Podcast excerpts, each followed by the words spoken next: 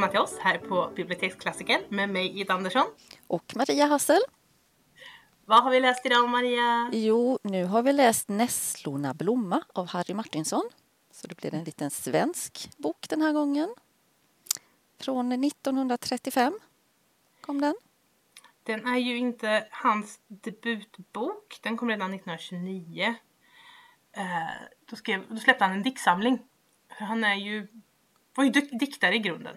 Mm. Harry Martinsson. Han är ju lite speciell, Harry Martinsson, för att han... Alltså han... eh, Han är autodidakt. Mm. Han är självlärd. Han är helt självlärd. Han gick knappt i skolan alls. Ja, det var inte många år han Nej. hade skolgång. Ehm, och sen blev han sjöman i vuxen ålder. Och sen han var tvungen att lämna sjön för att han fick tuberkulos.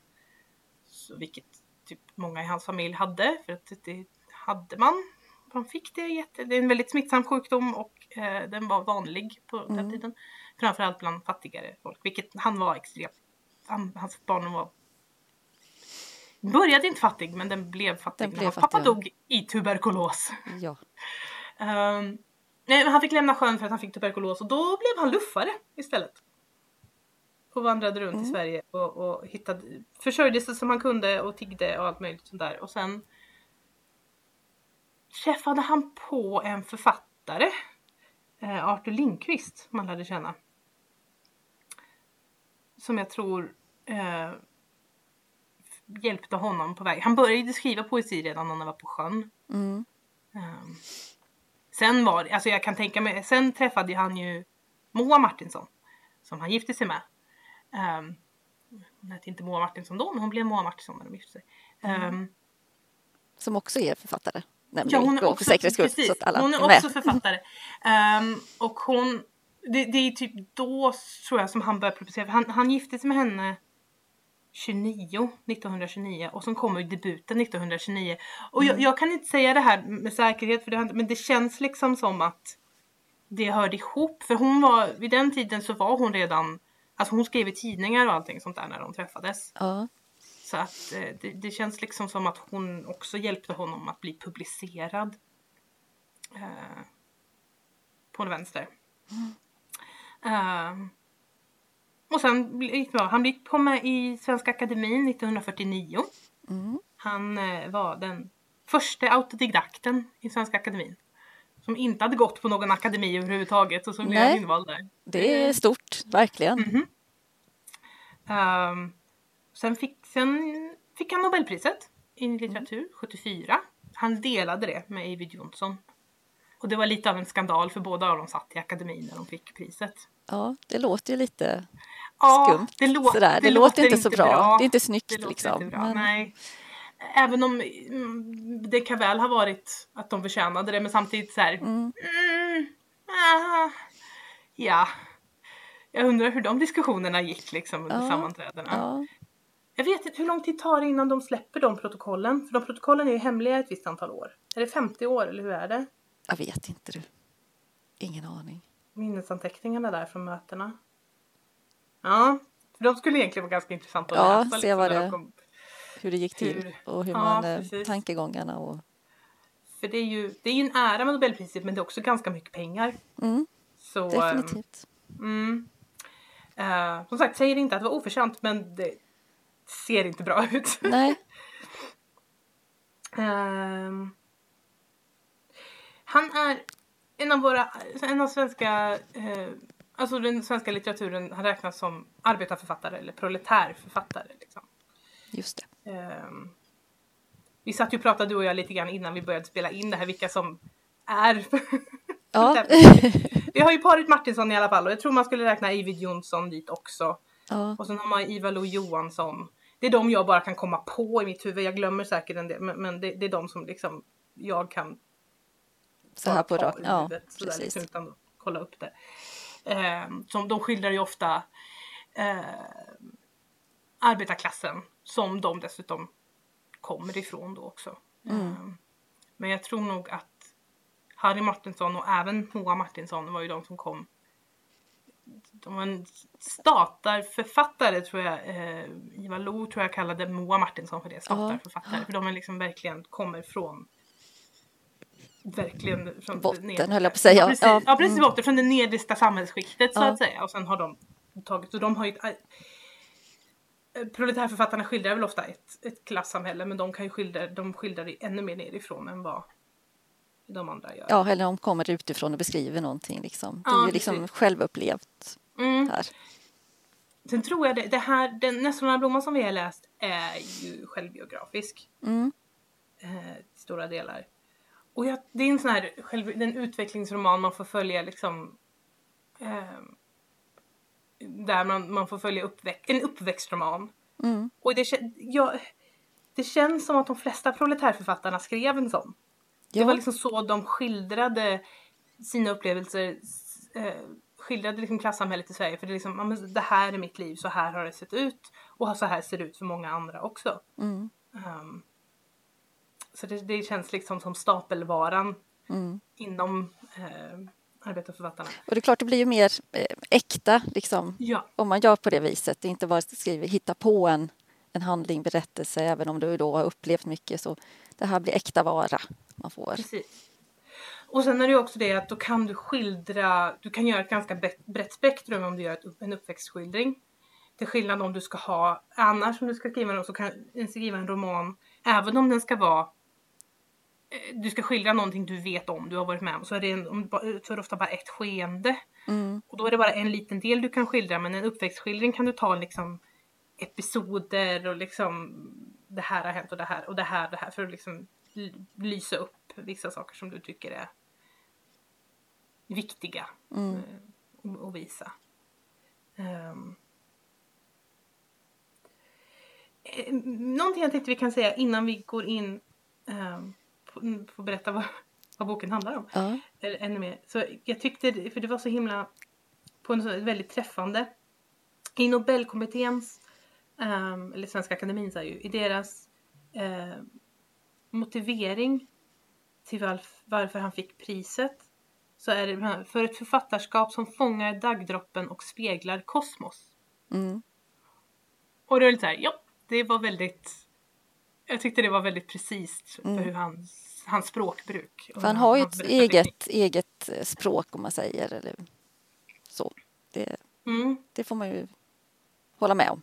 Ja, väldigt, väldigt poetiskt. Nästan lite på ett sätt. Det är lite nationalromantiskt fast nedtaget till liksom mikronivå på något vis. Mm. Det är inte de här stora vidderna utan det är den här, den här lilla kärnen men den är skildrad ungefär som du, nationalromantikerna skildrade till ett landskap så är det liksom så skildrar han en liten Det glänta. lilla. Ja. Ja. Mm. Så det är lite... Ja. Men Maria, vad handlar boken om då? Ska vi, Ja, ska du, ska vi göra det? ett försök och försöka bena upp lite grann här? Ja, som vi har nämnt så är det ju en självbiografisk roman. Där han, ja, han beskriver egentligen fattig-Sverige, verkligen. Ehm, och han berättar om sin uppväxt och sina minnen då från eh, tidigt 1910-tal, får vi väl säga Mm. att det han rör sig om. Och det utspelar sig då i Blekinge-trakten, där han är uppväxt. Men han kallar ju här då huvudpersonen för Martin, inte för Harry, utan det är Martin som han får namnet. Och eh, som jag sagt så dör ju pappan eh, ganska tidigt. Eh, för de har väl ändå det ganska så hyfsat bra i början och de eh, har en handelsbod och ett ganska stort hus då ju. Men pappan dör och även den äldsta systern dör kort därefter. Ines heter hon. Och man kan väl säga att det egentligen är hon som har skött hemmet och tagit hand om Martin i alla fall. Det känns som Martin har ganska så god kontakt med henne och liksom hon ser honom och förstår honom. För han är ju lite av en drömmare kanske man kan säga, en grubblare, drömmare och har väl även mycket mardrömmar och lite sånt här som hon liksom hjälper honom med att bena ut och lite så. Och mamman får man ju inte så himla mycket... Hon, när pappan har dött och Ines har dött då rymmer hon ju till, till Kalifornien och lämnar alla sina barn. Martin har ju då fem systrar kvar i livet. Eh, och det blir ju inte så lätt för dem. Först hamnar de hos eh, släktingar ett tag Eh, men sen så blir de ju då eh, sockenbarn. Att de blir liksom eh, säljs på auktion då för den som den minstbjudande. Mm. Som var ganska vanligt på den tiden tyvärr. Så de eh, hamnar ju på olika ställen de här barnen och eh, Martin kommer då till första stället han kommer till heter Vilnäs. Och eh, där, eh, först så tas han emot av en 14-åriga Betty då som eh, har varit där sedan hon var ganska liten. Det, hon är alltså inte barn till, de här, till det här paret som han kommer till. Eh, men däremot så är ju mamman gravid. De ska få ett barn. Och, eh, men Betty säger att ja, men de, de är snälla här. Och hon har nog upplevt det så, att hon har nog blivit väl omhändertagen och så. Men, men det märks ju ändå det här som kanske är ganska typiskt när de väl får eget, ett eget litet barn. Då hamnar fokus där och då blir de andra liksom... Ja, det är ju inte deras egna. Man, eh, eh, så att... Eh, ja, det, det, ändras liksom lite stämningen. Eh, jag tänkte på det där med att, eh, att eh, Harry Martinsson också liksom luffade omkring sen. För här har han ju en liten episod när han kommer och ser eh, eh, mannen i huset, eh, Sven tror jag han hette, att han har mustasch. Och han, Martin blir väldigt han blir rädd för honom då för att det är ju bara luffare som har mustasch och de är ju läskiga. Så det är, det är, lite roligt att han plockar in det här och sen som vuxen själv luffar omkring. Liksom. Eh, ja, det var bara en liten sån episod. Eh, och eh, men i den här, eh, på det här stället i alla fall, han jobbar ju och har sina sysslor och så men de förstår ju inte honom där heller utan de tycker han... Eh, han är ju bara ett litet... Vad är han, sju år? tror han är när han ja. säljs första gången. Och eh, de tycker han pratar barnsligt och de förstår inte honom och ja, han talar dumt. Och då skriver han just det här meningen att barnet var för barnsligt. Och det är ju egentligen jättehemskt. Ett barn ska ju få vara ett barn, men nej, det fick han ju inte vara då.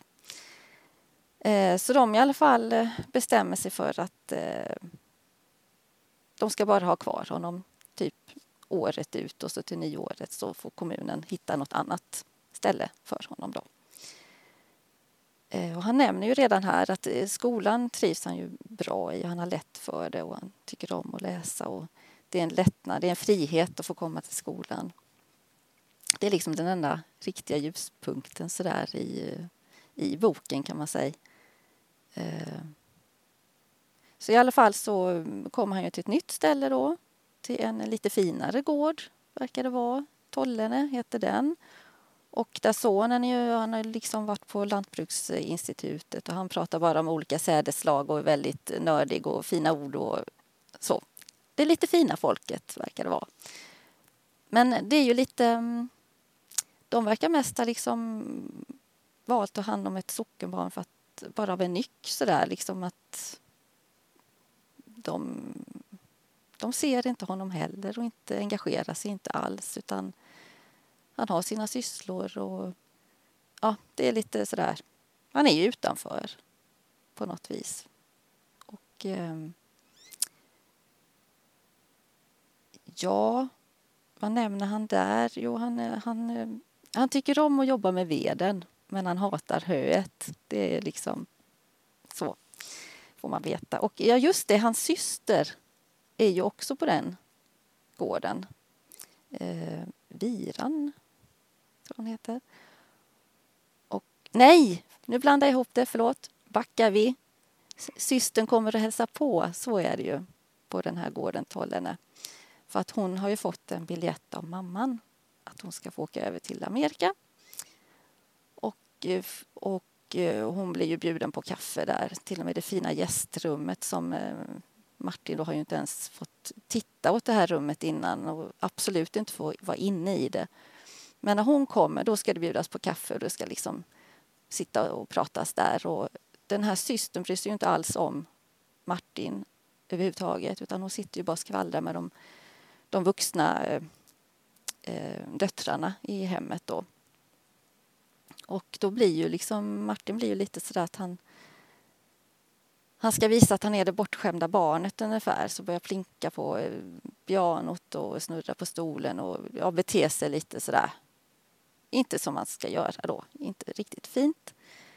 Um, och det nämner han ju också i den här i boken då att eh, när han ser tillbaka på den här som han kallar den falska scenen, avskedsscenen med systern så, så skäms han ju att det är en väldigt sån här pinsamt eh, minne han har, hur han betedde sig då, hur det kändes och så här. Det var väl... För det känns som att han har, han, han har ju ingen kontakt med syskonen och det är klart, han var ju så liten när de splittrades så han har liksom inte riktigt lärt känna dem heller. Eh, men däremot så nämner han ju då Ines, eh, den äldsta systern som dog. Även hon i tbc då, som pappan. Och eh, att, eh, att hon uppenbarar sig i hans drömmar ibland. Och hon är den enda som bryr sig om honom trots att hon är död. Och det är ju så hemskt sorgligt så det är inte klokt. Så det, det är en ganska jobbig bok att läsa. För det är ju tragiskt och han är väldigt ensam den här lilla pojken. Och han är ju inte så länge, han är väl något år på Tollene också tror jag, jag vet inte.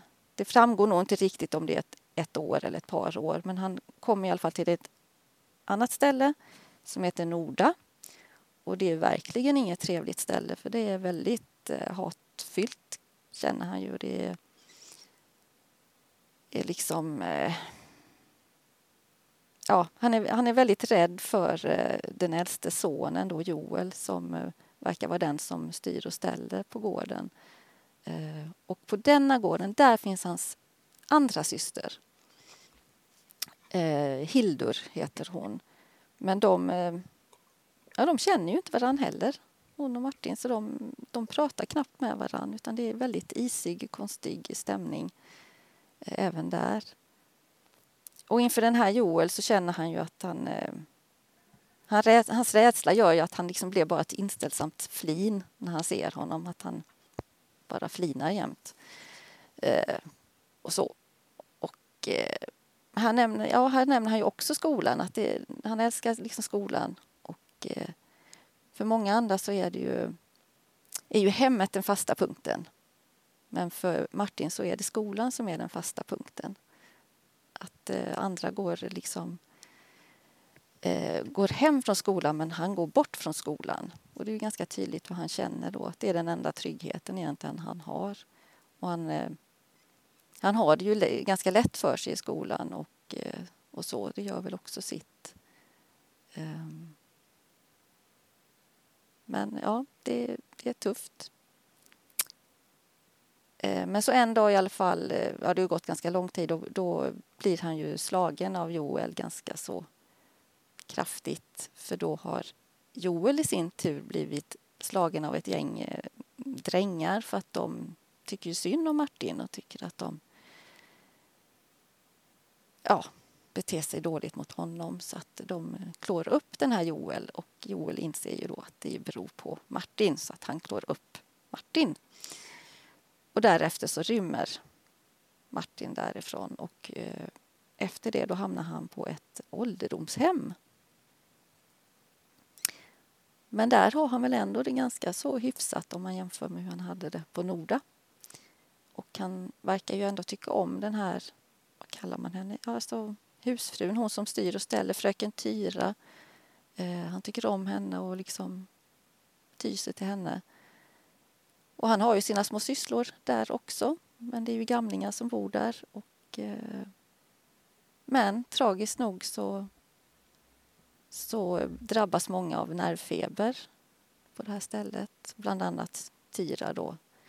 Och eh, Martin blir väldigt orolig så han kan ju knappt äta. Han bara springer runt och ja, gör inte sina sysslor. Och eh, frågar vikarien då hur, hur det är med liksom fröken Tyra. Och hon vill ju inte svara först. Men sen säger hon ju då eh, att eh, ja, fröken Tyra var snäll, inte sant. Och då hör han ju att det är förfluten tid hon säger det i. Så han börjar banka på henne och blir helt galen och liksom eh, frågar verkligen då, lever fröken Tyra? Och hon säger ju till slut, nej, hon är död. Och där slutar boken med, hon är död. Det är väldigt abrupt slut. Ja. Så man bara liksom, va? Så kan ni väl inte göra? Nej men det är lite så här, jag blev alltid tillsagd när, när, när vi skulle skriva någonting på svenska, liksom, att du ska inte, när du är färdig med någonting, den som läser ska inte vända blad och leta efter fortsättningen. Nej. Men det gör man ju här. Liksom. Ja. Man,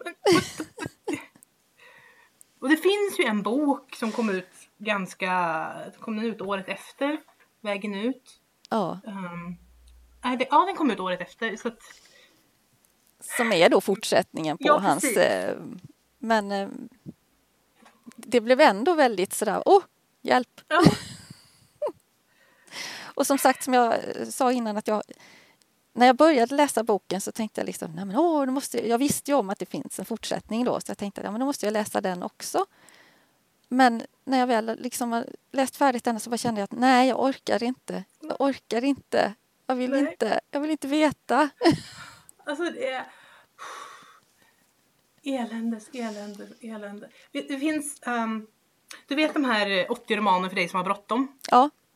Jag älskar dem. Ja, de är jättebra. Um, det är ju för de som inte vet så är det liksom en, en serieskapare är han va? Ja. Jag kommer inte ihåg vad han heter. Han har gjort liksom, han tar i tre rutor så skildrar han eh, händelserna i, liksom, han skildrar en hel roman liksom i tre mm. rutor. Tre serierutor. Och det är någon, jag vet jag tror det är eh, jag tror det är eh, Drömmarnas stad.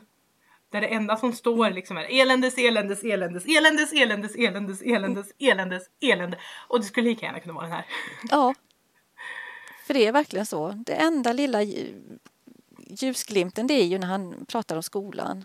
Ja. Då är det lite så här, ja. Li men ändå men inte. Nej. Inte helt. För att, han får ju stryk i skolan hela ja, tiden av alltså sina är, klasskamrater. Så att, nej. Men det är klart, det, det är ju en beskrivning av... Ja. Många hade det ju så här. Ja. Säkert. Och just det här att man flyttas runt och liksom... Och ja, det... Ja, för det, han har ju det här bildspråket som... Eh, och det nämner han... Vad hade jag nu det? Det skrev jag nog upp här. Um, jo, då när de liksom vid första flytten att han eh, liksom... Det är så konstigt att när han precis eh, har ju börjat vänja sig vid att vara på Vildnäs och liksom det här och känner att det är liksom nästan hemma.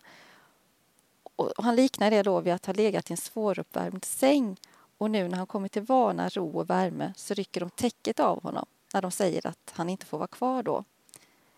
Och det, det är så liksom bildligt och det är ju sånt språk han har mycket. Mm. Eh, där jag inte alltid hänger med. Kan vara för att man är lite för trött eller för stressad eller så utan man måste liksom läsa lite långsamt för att mm. man ska ta det till sig. Men eh, det är väldigt häftigt samtidigt. Det, det är lite väldigt, eget. Ja, det är väldigt mm. vackert. Mm. Det är väldigt, väldigt vackert. Och han är ju, som sa, han är ju poet i grunden. Och det ja, och det märks väldigt liksom, tydligt. Att det är det han har. För sagt, han gick inte många år i skolan. Uh, sen, det är liksom det är att de, de första litterära influenserna de hämtar från skolans läsebok, psalmboken och bibeln. Ja. Ja, och det är lite ja det kan jag. Och sen är det då när han väl börjar läsa andra böcker. Det var Jack London, Rudyard Kipling, T.S. Eliot. Och det, det är liksom, ja men de har ju också den här typen av väldigt målande språk. Mm. Har de inte det? Um, lite poetiska, det här målande. Um, jag tror jag tror jag märkte det mest allra, i allra början där när han beskriver livet innan Martin föds. Alltså han beskriver sin papp, eller pappans liksom liv när pappan kommer. Ja, för att han, ska, han kommer mm. hem för att han eh, har, nu blir det arv. Mm. Och får åka ända från, han har varit i Tasmanien han har varit i Australien och klippt får. Um, eller han varit, han varit i Australien eller Nya Zeeland? Nej, Australien va? Australien. Nu har jag släppt det. Ja, det var så länge sedan. Ja. ja uh, han har klippt får i alla fall, det är det han har hållit på med. Uh, och tar sig hem och sen när de beskriver det här huset de köper liksom och var det ligger och de som kommer förbi Mm. i handeln och allting. Och det var väldigt, här, väldigt vackert. Och då tänkte jag, ja det här är trevligt, det är poetiskt och det är så här, ja men det kommer väl vara kanske lite tufft hur det går fram och tillbaka liksom med familjen för de pratar redan om att huset är alldeles för stort. Ja. De har liksom förköpt sig lite grann och eh, sådär. Och sen hur det bara går neråt och neråt och neråt och neråt. Sämre och sämre. Hur alla mår Ja. och hur föräldrarna, deras relation till varandra och sen blir alla sjuka eller, blir, eller fler och fler blir sjuka. Pappan blir sjuk och Ines är sjuk. Och sen när pappan dör och så allting bara po, rasar utför. Mm. Åh, och sen blir det bara värre och värre. Och sen kan man ju inte fatta, alltså det här liksom, hur- kan mamman bara lämna alla sina Mm. barn och dra iväg? Fast hon verkade ju vara lite, hon verk, var ju lite underlig. Nu kommer inte Mm. jag ihåg riktigt, men hon kändes ju lite sådär Ja, hon var inte här och nu utan hon liksom var i Nej. någon annan liten bubbla på något vis. Men det är ju, alltså det är ju inte Martin heller. På Nej. sitt sätt. Alltså hon är, de var, då kan nog vara att de är liksom lika där. Ja, Att det bara att det skildras annorlunda. Och sen hon då, då åker hon till, sen kanske hon hade, tanken var att ja, men jag ska hämta dem sen. ja eftersom hon då, ena dottern då får Mm. en biljett och hon säger ju också till Martin att, att eh, mamma kommer att liksom skicka eller ta över oss allihop. Mm. Så. Men då är hans tanke liksom att ja, men det, han längtar ju mest efter indianerna, det är ju inte mamman. Mm. För han, han har ju liksom redan släppt henne då och det är väl en sån här skyddsåtgärd Mm. man gör då liksom att man släpper. Hon finns Ja. inte här, hon kommer inte att... Och hon är ju, alltså han var ändå så pass liten när hon försvann så att även om det inte var en skyddsåtgärd så är liksom, hon är inte vardagen. Nej, Om han skulle komma ihåg henne så skulle ju hon vara någon form av sagofigur som han kom ihåg snarare. Han skulle inte komma ihåg hur hon var dagligdags utan han Nej. skulle ju ha någon bild av henne som han hade målat upp. precis. Eh, Så att eh, jag tror, för det är ju inte ovanligt att en förälder, vare sig de är ensamstående eller inte, åker iväg för att försöka skapa sig ett nytt liv som man sen kan hämta barnen till därför att det är liksom det är det enda möjligheten man känner att man har. Mm. Ehm, men då blir ju, kan ju liksom konsekvensen bli att du skär av alla band med dina barn. Även om du gör det för deras skull, även om du kanske till och med håller kontakt genom att du skriver till dem och även om du hela plan, planen alltid är att hämta dem Mm. eller komma hem till dem. När ni väl träffas igen så är ni ju inte samma människor. Nej, Och du kanske inte är deras förälder längre därför att de har träffat andra som har blivit, som har tagit hand om dem under den här tiden. Och det är ju tragiskt för alla parter liksom. det är det verkligen. Men jag tror inte det var, jag tror inte det, det var inte ovanligt då i, Sven, i Sverige. Nej, Och det, är- och det är inte ovanligt idag. Det är bara att vi, det sker inte så ofta här. Svenska föräldrar behöver inte nödvändigtvis göra det valet. Men det finns ju föräldrar i andra länder som måste ja, göra det man valet. måste. Mm. Och som Så gör är det hela tiden. Ehm, Och det blir väl det- också det som det är hans minnen och hans beskrivningar. Mm. Han, han kommer ju inte ihåg så mycket säkert utan då, hon är ju liksom redan... Han är ju, hon är ju inte hans mamma riktigt utan det känns som att det är Ines som är modersrollen för honom när han var liten och Mm. återkommer och tänker på liksom. Så att eh, det har nog varit så hela vägen. Mm. Att han, han kommer inte ihåg. Hon kanske var jättebra i början men mm. ja, Men det tror jag heller inte var ovanligt då att hade du en barnaskara Äldsta dottern blev modersfigur till dem allihop därför att båda föräldrarna behövde jobba. ja, Och du hade inte tid att vara en kärleksfull förälder. Du var tvungen att vara en förälder som gav dem mat. mm, Kramar och sånger fick någon annan ge. någon annan. Det, ja. liksom, Mm. det, för det, det fanns liksom inte tid och ork till det. De har ju ändå ganska bra där i början men de måste ju ändå driva denna handelsbod. Mm. Oh, ja. Och det är ju liksom de två som får göra det. Um, nu försöker jag inte sitta och försvara mamman men men det, jag tror inte Nej, det var... men det är ju, det är ju eh. sant. Alltså det, det är nog inte helt ovanligt. Och Nej. det är ju aldrig lätt alltså där när man måste göra någonting. Alltså det, Mm. det är ett val du måste göra kanske. Ja. Har man bara ett barn så kan det vara annorlunda. Då kan barnet följa med, då kan barnet liksom vara involverat på ett annat sätt. Men när du har en hel barnaskara så är det liksom, ja men då Det är får... svårt. Ja, eh, jag tror det var svårt. Och sen kan det ju vara så att mamman hade förhoppningen att släktingarna Mm. skulle hålla ihop barnaskaran och hon skulle Mm. liksom kunna eh, ja, ta över dem då till sig. Ja, liksom, att det, det, också var planen. Fast det, det, vet, det vet ju inte Martin någonting om egentligen för han var för liten. Och, Nej, så nej det, det är mycket så också. För jag tvivlar på att han har egentligen i vuxen ålder gått tillbaka och undersökt. Han kan nog granskat, i och med att han har suttit och skrivit den här så har han nog gått igenom sina egna minnen och funderat vad det var han upplevde och så där. Men gans, han känns inte som den personen som går och börjar leta i arkiv för att få reda på vad det var som hade hänt honom. Nej. Sen vet jag inte om du fick tag på arkiven då. Idag kan du ju gå och få upp dina egna liksom, de beslut som har fattats om dig och allting sånt. Det har du rätt att se. Jag vet inte om du hade det på 20-talet, Nej, det kanske var lite värre. 20-30-tal.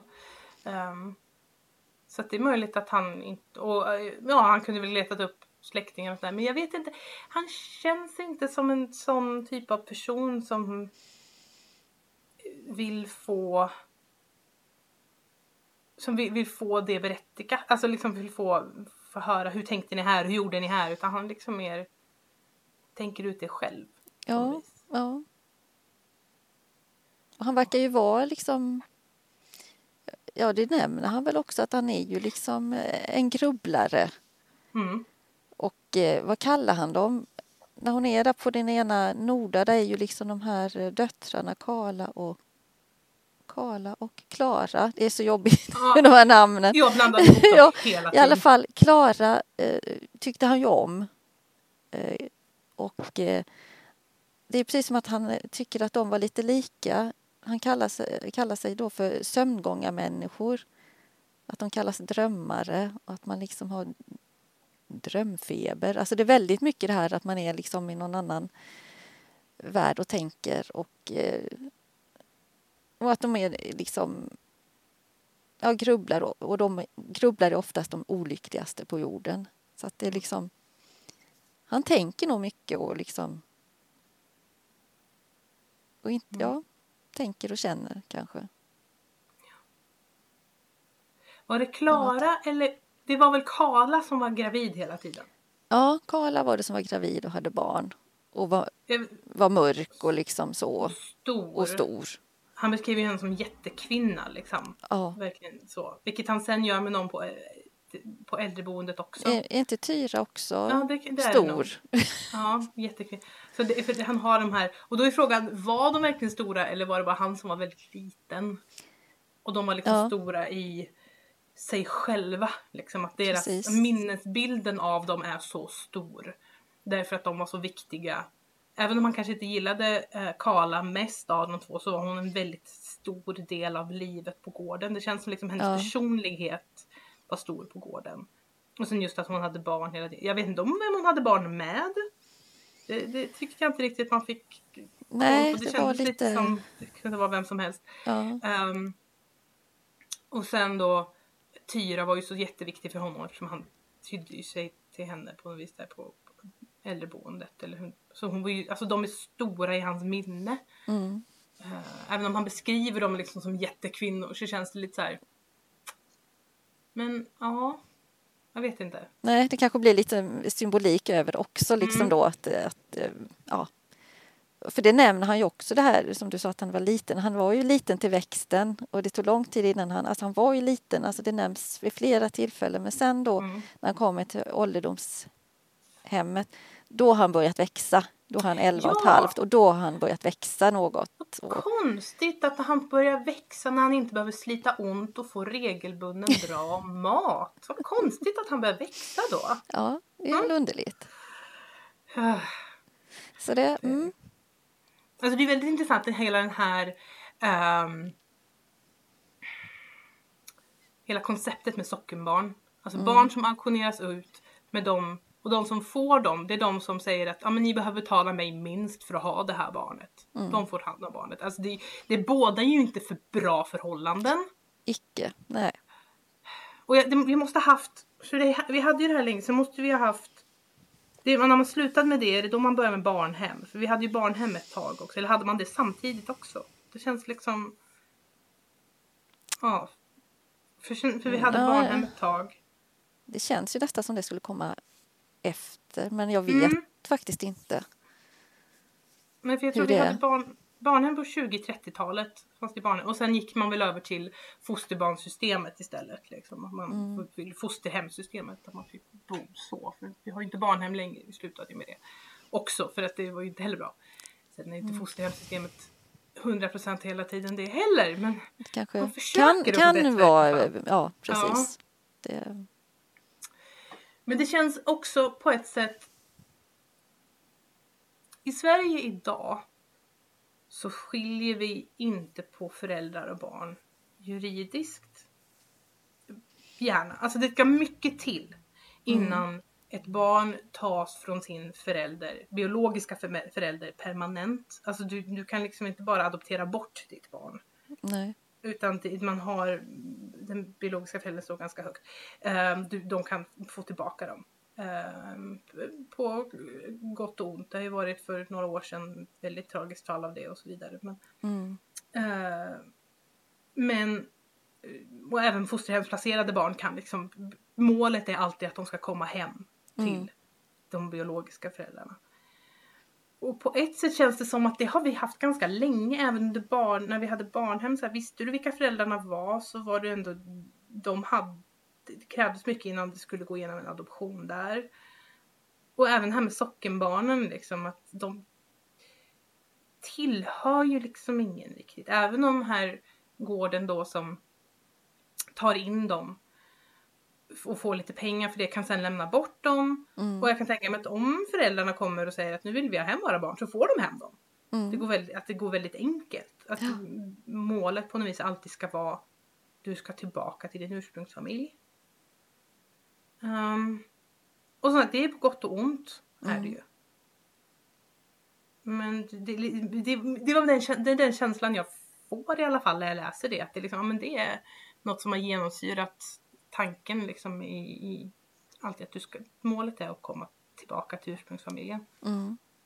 Medan i andra länder så kanske det är att ja, men du, adopt, du kan adoptera bort ditt barn vid födseln. Mm.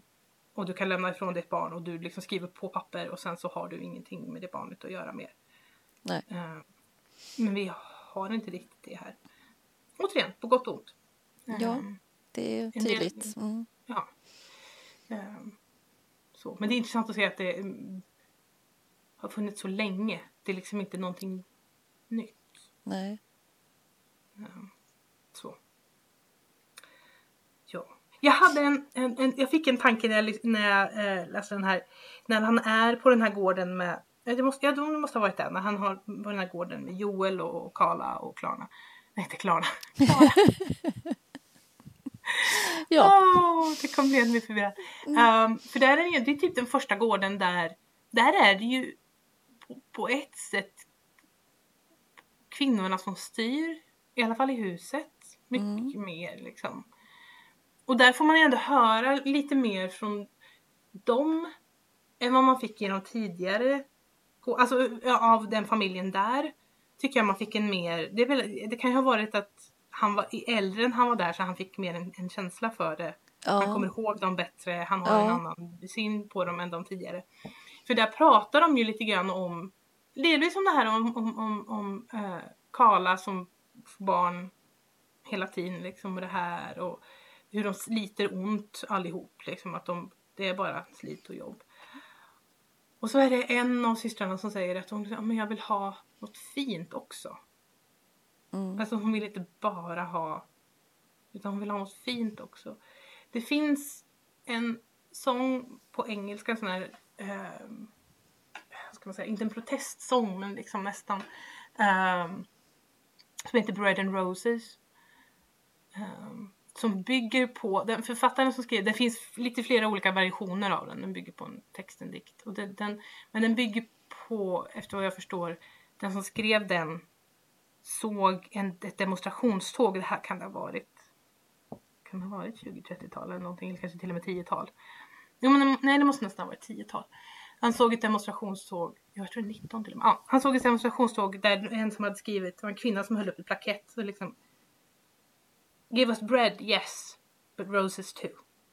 Att det är liksom så här, Ah, vi vill ha Ja. vi, vi vill ha det här, vårt dagliga bröd, vi vill ha det. Men vi vill ha lite extra också. Ja. Inte bara mat på bordet utan även liksom lite livsglädje i Ja, precis. Ja, precis.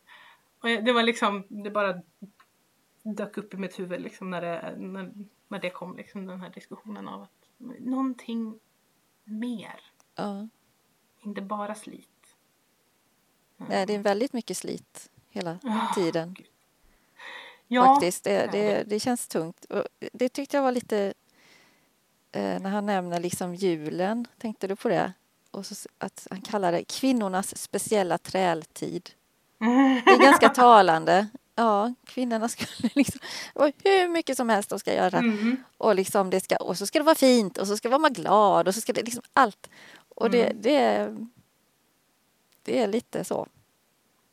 Jag tror det är ganska många kvinnor idag som skulle säga samma sak. Ja, Just om julen. att man kanske liksom... Det blir lite för stort, lite för mycket. Mm. inte, man inte hjälps åt tillräckligt då Nej. kanske. Inte vilsamt. Och det kan jag ju framförallt då kan jag tänka mig även, liksom, även om du hade mycket pengar, liksom i stor, om du var en storbonde, Mm, så var det ändå, för det, allting ska ju göras och det ska göras under väldigt kort tid. För du ska städa och feja. Ja. Och det håller ju inte om du inte gör det typ en eller två, du kan inte göra det för långt innan. Allting ska bykas och tvättas, det håller inte heller om du inte gör det. Maten du gör, att den är så speciell är ju för att den håller sig inte färsk länge, det är inte mat du kan förvara. nej, Så det måste ju också göras. Det är ju typ veckan innan jul som allting måste göras. Det går inte att förbereda innan dess. Du kan inte plocka ur förråden. nej. Usch, jag blir stressad redan nu. oh, Åh, vad jobbigt. Det är mer än sex månader, det är lugnt, du har tid. Och idag har vi frys. Idag har vi lite annan, eh, ja, Ja. Och sen kan man ju sätta det på. Men då var det liksom för det skulle vara frid och sen liksom allting. Och, medans, och det var ju kvinnogörat för männen hade ju redan gjort sitt. ja, Det de kanske skulle göra, ja men de skulle slakta grisen kanske liksom. Mm. Om man hade en, en gris som skulle slaktas. Det kanske var det männen skulle göra. Men sen är det ju kvinnorna som ska tillredas allting som blir Mm. av det. Precis. Männen kanske ska ta in granen och lite granruske liksom. Ja. Och sen, de kanske ska utfodra djuren. Och sen, ja men sen är det ju viltid för dem liksom. Mm. Bara god mat och, och fint och liksom så. Njuta av. Ja, Mm. Mm. Medan kvinnorna får bara gno och gno och gno gno på den här veckan liksom och sen typ kollapsa på juldagen eller någonting. precis. Fast då, kommer ju, då börjar ju alla, jaha, är det storbönder så är det då man börjar åka runt eller det kommer släktingar eller vad Mm. sjutton som. Ja, men det är så väldigt mycket stort och liksom, det ska vara Mm. mycket socialt och så här.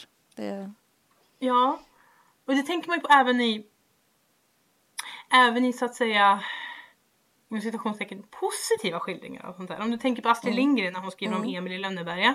För det är ju en väldigt positiv bild, det är ju en lycklig barndom som Mm. det skildrar. Tack. men nog, tack och lov att det ja, precis. finns. Ja, men nog 17 sliter kvinnorna ont i den. Alltså, om, Oh, du, ja.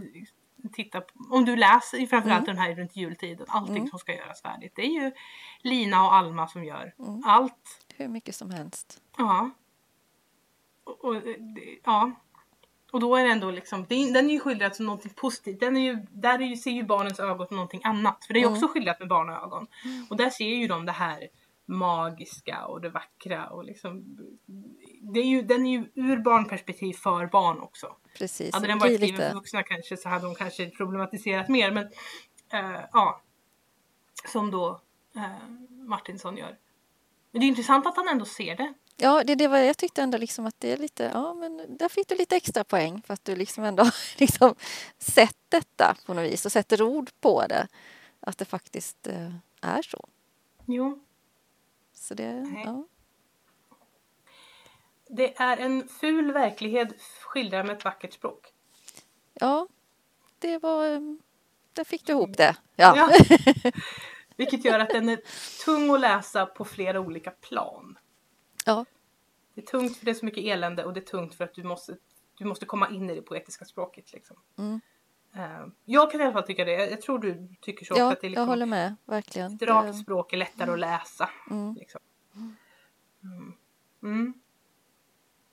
Men eh, den kan ju varmt rekommenderas att man gör ett försök i alla fall. För det, Ja. det är liksom... Den är... Ja, men den beskriver ju väldigt bra just Ja, den här verkligheten som ändå var. Och sen har han ändå blandat in då sitt bildspråk och sina... eh, ja, sitt poetiska språk på något vis så att det, det blir liksom någonting annat också. Det, det är Ja. lite kul. Jo, det är det. Ehm, jag kan ju säga, jag har läst, jag har läst Vägen till klockrike av uh, Martinsson också. Mm. Och den är ju en, en eh, skildring av en, en luffare. Som, den är lite, det är lite mindre elände i den vad jag kommer ihåg. Men om man, liksom vill, om man inte riktigt vill ge sig in i eländet men vill pröva på språket så kan Mm. man kanske försöka den. Ehm, så. ehm, den, är inte, den är lite mer episodisk. Den här är ju ganska episodisk också. Men Mm. det, det ehm, så liksom olika som händer längs, längs vägarna. Ehm, jag tror det är en bra bok att läsa på sommaren jag, om man har en riktigt svensk Ja, okej. sommar. Jag, Ja. Det är bara en känsla, jag har för mig jag läste den på sommaren, det är därför. Mm. Men, men man tänker liksom grusvägar och, och Ja, man känner där sommardofterna och, liksom, och knastret. Och, ja, för, ja, på tal om sommar, och jag bara tänkte på det här han nämner också att ehm, han hatar ju träskor. Mhm. Han tycker det är jättehärligt då när den period när man kan gå barfota ute och slippa de här hemska träskorna som ger dem sådana skavsår så att sockarna sen fastnar i såren Ja. och man ska dra loss det på kvällen. Och det är liksom verkligen, man känner det här hur uh, man mår nästan illa. Eh, så att, och just att man liksom, alltså man säger att, att man känner att man är fattig. Mm. Det blir så tydligt, man bara känner hur de klafsar runt i de här stora träskorna som inte sitter något bra på foten. Och, usch, Mm. det, det är en bra beskrivning. Ja, Så där, alltså, han är ju jättebra på att beskriva liksom. Mm. Man får känslan över allt det här. Men träskorna måste vara inte, jag tror det inte är såna, nödvändigtvis sådana träskor du, för han pratar väl om att det är uppe på vristen han har, Mm. eller vid ankeln, så jag tror Ja. det är såna här träskor Ja, men det är sticker ner hela ja precis, nästan som skålar eller Ja, båtar eller så. Det, alltså sådana som, annan jag tror typ. de har dem, ja precis, de har dem mer i, i, i Holland nu Ja, ja men precis, det är så jag Ja, tänker så. jag mig också. Som Ja. Pratar om hälen just att det skaver. Och Mm. inte som vi har slip-in utan det... Ja precis. De kan du också få rejäla skavsår av. Ja, fast på andra Ehm, ställen. Ja, precis. Ehm, för att det är de glider. Så man måste ha den här häl... Eller, den här hälkläppen på. Eller, så, Ja. som, så att de sitter still. Då Ja. men, men Mm. jag tillbringar större delen, alltså jag har ju, jag tillbringar större delen av mina somrar i träskor. För att, Mm. Men då är det såna här träskosandaler som är lite nya. Lite skönare kanske. Lite, ja, lite skönare, lite modernare, lite finare. Inte modernare är de inte utan de är mer retro. Men de är Ja. eh, så som man har. Ehm, men de sitter ju still på, sko, på foten ganska Mm. väl. Så då, att man kan få rejäla skavsår av dem också. Så där. ja, man Ja. kan nog det. Men jag tror nog att de är, och, och de träskor vi har idag är ju ofta, även om vi har de här slip-in så är ju inte hela skon i trä. Nej, det är det det måste- inte. det Utan det ju- blir ju en annan... Ja. För det är ändå ganska lätt bättre. att... Ja, precis. Ja. Det är... Ja, vad tacksam man är född idag.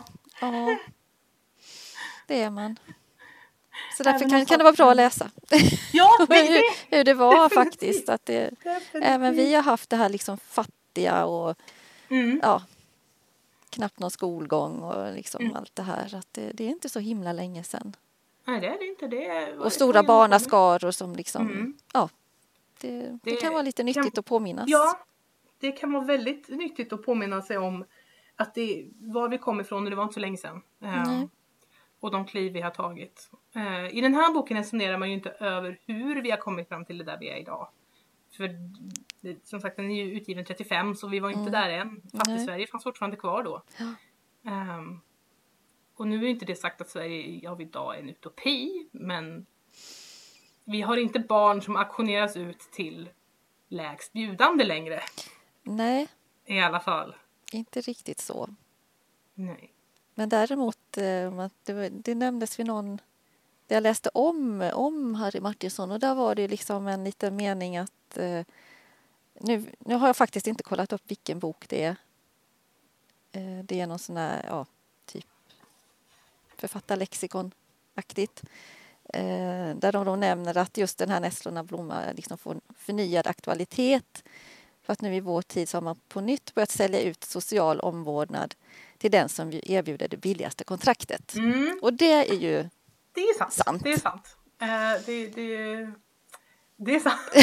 tyvärr, men det, det är där vi är idag.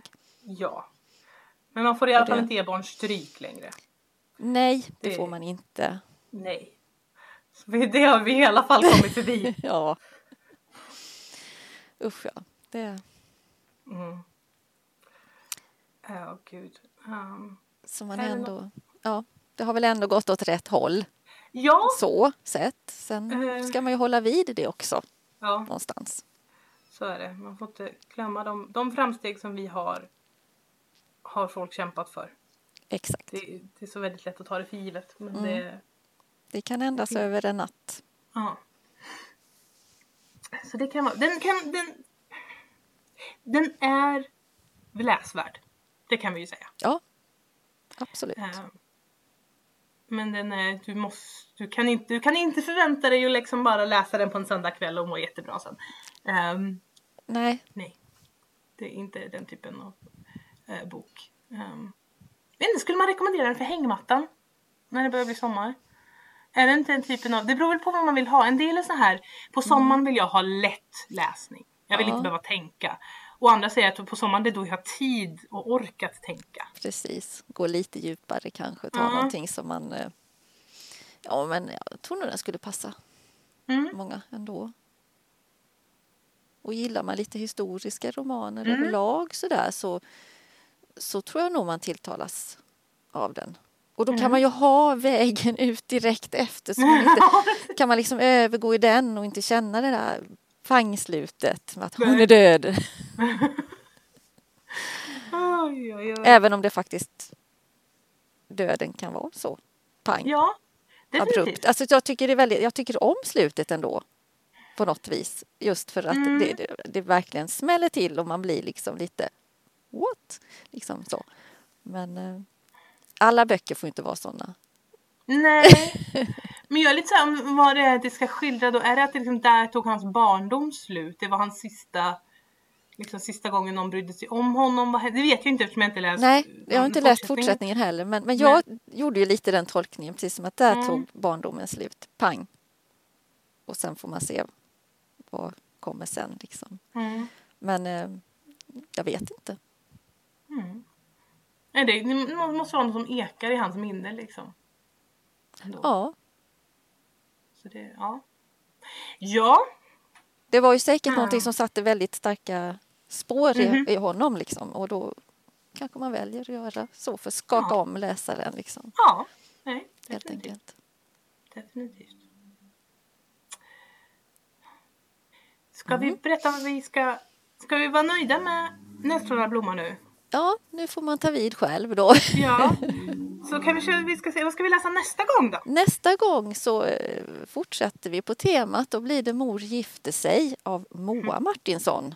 Ja, Det kan ju vara lite spännande att se hennes eh, mm, uppväxt då. precis. Ha lite att jämföra med där. Ja, Se de olika, det, olika verkligheterna för eh, kvinnor och män inom arbetarklassen. ja precis. Så det blir Ja. lite kul. Ja, den, den har jag läst förut. Det var, nu är det ett par år sedan. Men, men eh, Ja, jag har också läst jag den. Men, den. mm, jag läser Mm. gärna om den för det, ja, det är en sån man kan återkomma till tycker jag. Ja, men framförallt om man läste, man kände det när jag läste den här, för det var ofta, jag kom ihåg lite, i och med att det, det ändå var, de ändå var gifta liksom. Mm. Och hon skrev den mm, ungefär samtidigt. Så kom liksom, jag kom ihåg vissa grejer jag hade läst i den då. När det var det här liksom jämförda med, man jämförde deras barn, barndomar. Ja, Så. Ehm, mm. Så det blir till nästa gång. det blir det. Tills det så får ni ha det bra. Hej då! Hej då!